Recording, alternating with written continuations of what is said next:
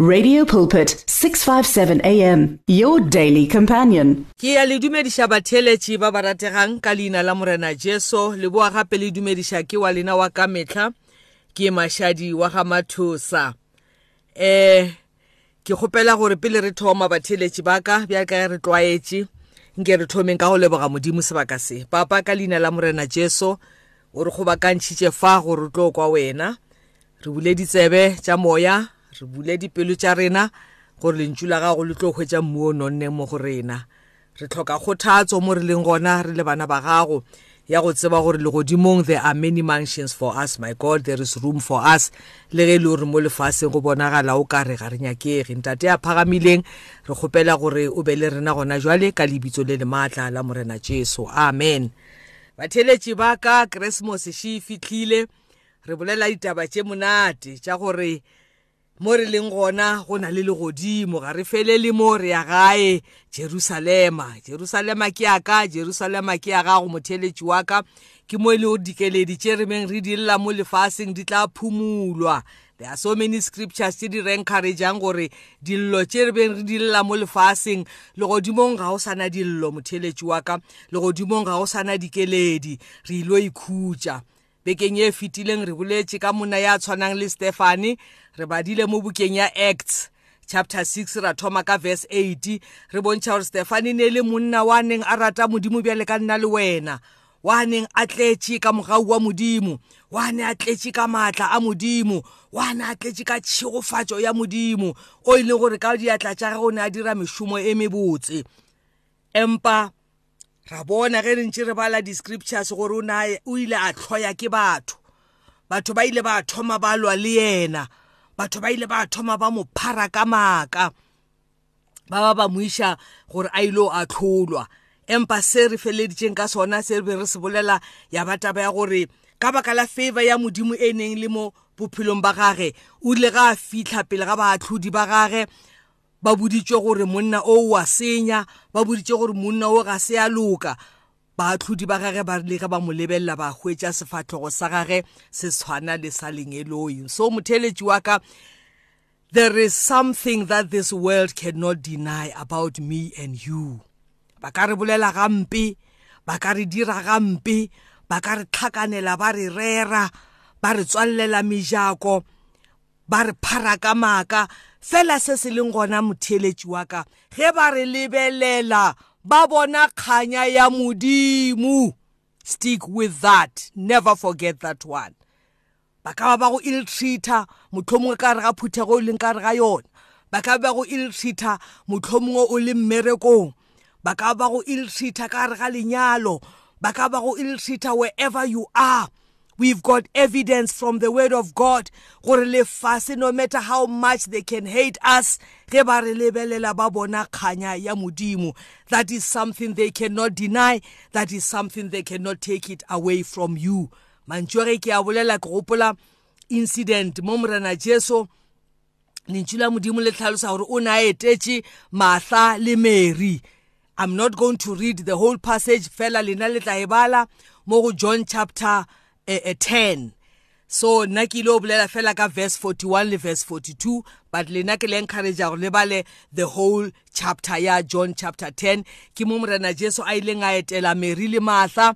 Lentšu la modimo le tlhalosa gore ga a ile gana mola a ba etetše martha o bantše a ema-ema a bereka a dia ditee a prepara dijo. So ga ntse a prepara dijo a ema-ema ka yona tsela eo lentšu la modimo le tlhalosa gore mary o ba dutše maotong a morena jesu a sa mo thuši so go a fitlha mo e le gore martha o thoma go complaina mo go morena jesu gore gape here is my sister she's not helping me. So morena jesu o re go yena o re martha martha ke mo go verse 41 o re martha martha you are worried and upset about many things. But only one thing is necessary.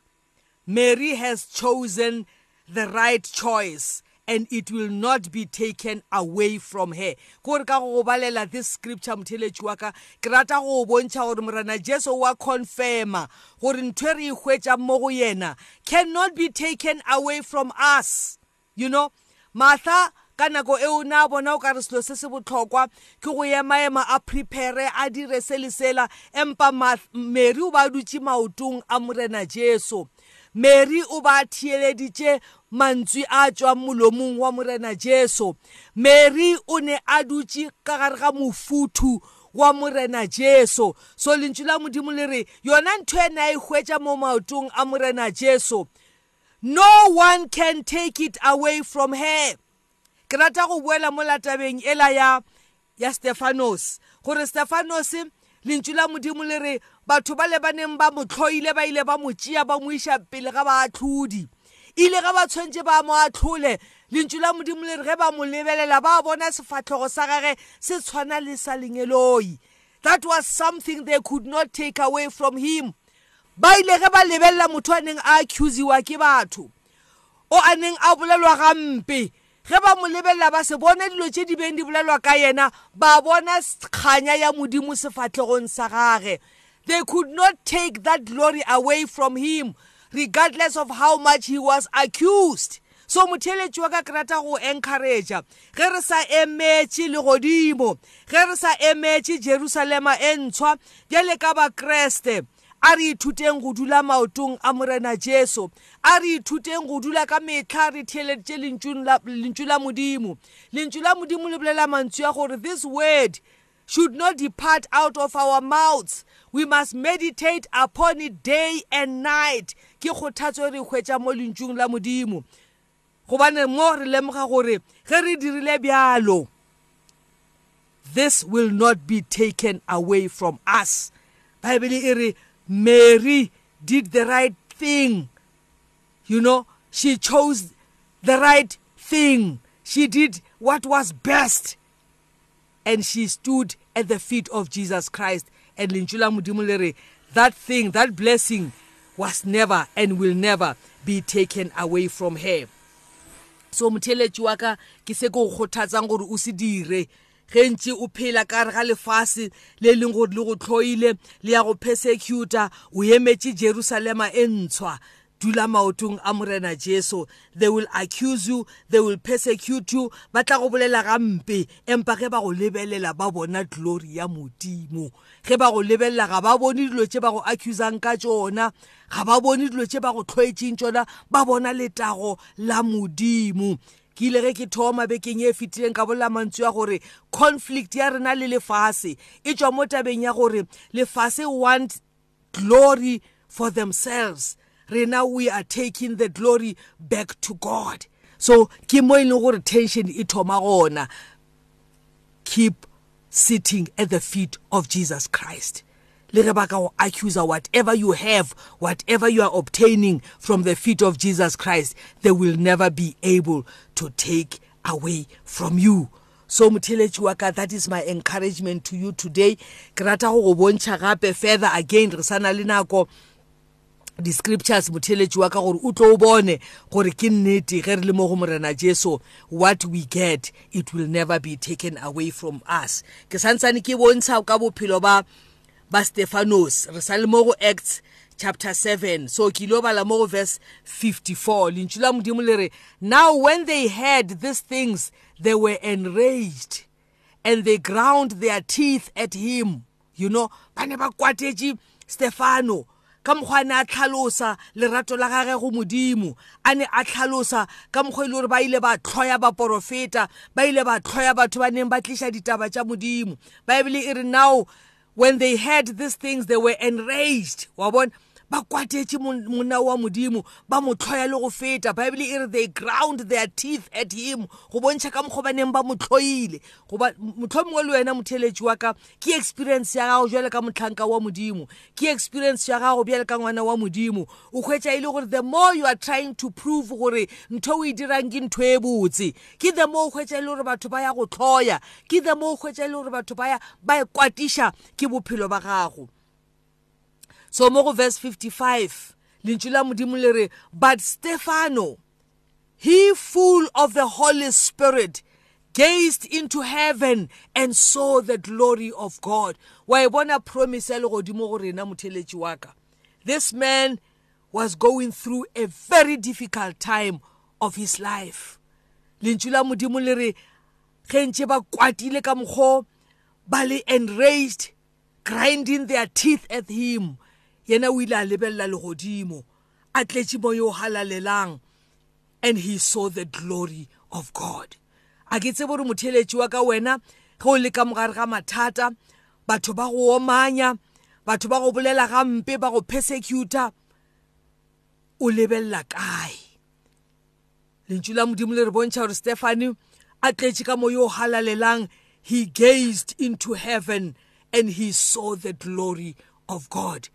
Motlhomong wena o bona leswiswi motheletši wa ka ga o bone tsela gore na e ya kae? Mo motlha ke rata go kgothatsa gore tšea example e botse mo go stephen lentšu la modimo le re a tletše ka mo yo o halalelang o ile a lebelela legodimong a bona kganya ya modimo. And-e lentšu la modimo le re a bona jesu kreste a dutše ka letsogong le letona la modimo ntate. And he said behold i see heavens opened. Wa e bona promise ya legodimo go rena motheletši wa ka. A re ke bona legodimo le butswe and the son of man standing at the right hand of god. Mo verse 57 bible re but they cried out with a loud voice and stopped their ears and rushed together at him. Then they cast him out of the city and stoned him. Wa bona tension between us and the world. Lefase le re tlhoile motheletši wa ka. We don't have room mo lefaseng. Morena jesu o rile ga a botša barutiwa ba gage ba ne ba nyaka go mošala morago. A re ge e le diphukube tša mo lefaseng di kaone di na le melete. Empa ge e le nna ga ke na mo ke bjang tlhogo gona. That principle has not changed. Re phela ka ona tsela e motheletši wa ka. You can look at us wa hwetša re kgatlhiša re phela re thabile re sa fetse go dira botse. Empa this is our lives. People hate us. The world hate us. The world is persecuting us. They are putting traps in our way. Lentšu la modimo le re ba kwata banna bale ba thiba ditsebe tša bona ba kitima ba topa maswika ba mo thuba ka maswika ale and lentšu la modimo le re as they were stoning him stephen called out Our Lord Jesus, receive my spirit. And falling to his knees, he cried out with a loud voice, Our Lord, do not hold this sin against them. And when he had said this, he fell asleep. In other words, he died. Motheletši wa ka, this is our hope. And this hope, it keeps us going. This hope of heaven keeps us preaching the word of God, not compromising it. This hope of heaven keeps us living righteous lives, choosing right and not doing wrong. The world cannot take away this glory that is upon our lives. lentšu la modimo le re re kgethilwe from the foundations of the world to walk in these good works and lentšu la modimo gape le bolela gore he has also gone a step further and glorified us. Go na le kganya godimo ga rena. Ba baneng ba na le rena bekeng e fetileng ke badile scripture ya go bontšha gore when Steve, Stephen was being was being accused in front of the council his face was like that of an angel. He was full of the glory of God. So motheletši wa ka o sekebe wa nyama. Ge lefase le go tlhoile that is proof that you have what they don't have. That is proof that you possess the glory of God in you. There are scriptures that we will still read tša go bontšha gore ke nnete kganya ya modimo attracts persecution mohlomongwe as a child of god at this point in time you need to introspect yourself motlhomoge ke bolela all these persecutions tše e leng gore men of god like stephen went through you can't identify with. Maybe identify sorry uh, introspect yourself. O checka gore a ka nnete o mo moreneng na? Lentšu la modimo le fela le re kgothatsa gore we need to check ourselves if we are still in the faith. We need to check ourselves if we are still holding on to the right or the true doctrine. So lentšu la modimo le tlhalosa gore ge re le mo moreneng we definitely will be persecuted. Go na le another scripture e bola mantswe ya gore those who uh, uh, live a, a holy life they will be persecuted. So if you are not identifying with these persecutions that I'm not going uh, uh, that that I'm explaining right now just introspect yourself o check gore na are you still holding on to the faith motheletši wa ka nako impheletše empa re tla tšwela pele bekeng e tlang a morena wa kgotso a letlhogonolofatše Become active, active in faith. 657 AM. Radio Pulpit understands that praying alone isn't always easy. So join us to form a chain of prayer for you and with you. To send in prayer requests, contact 067 429 7564 or alternatively email us on prayer at radiopulpit.co.za. The search continues for top quality South African Christian music. If you are a new artist or releasing a new CD, then send it to Radio Pulpit. For more information, please visit the Radio Pulpit website. That's www.radiopulpit.co.za. Or phone us during office hours 012 334 1200. Radio Pulpit, your daily companion. You and 657 AM and life. A winning team on the road to eternity.